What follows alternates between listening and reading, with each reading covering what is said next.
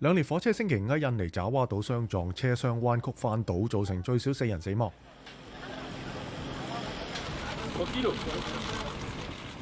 南非惩教部星期五宣布，南非运动员皮斯托利斯已经假释出狱。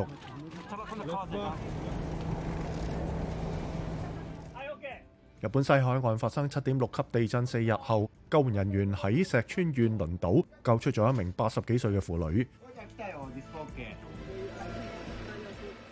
格律加以最高法院星期四维持对被监禁嘅反对派领袖桑科因为诽谤罪判处六个月缓刑嘅判决。喺以色列嘅袭击中有六个人丧生，死者家属星期四晚喺医院外聚集喺尸体旁边哀悼。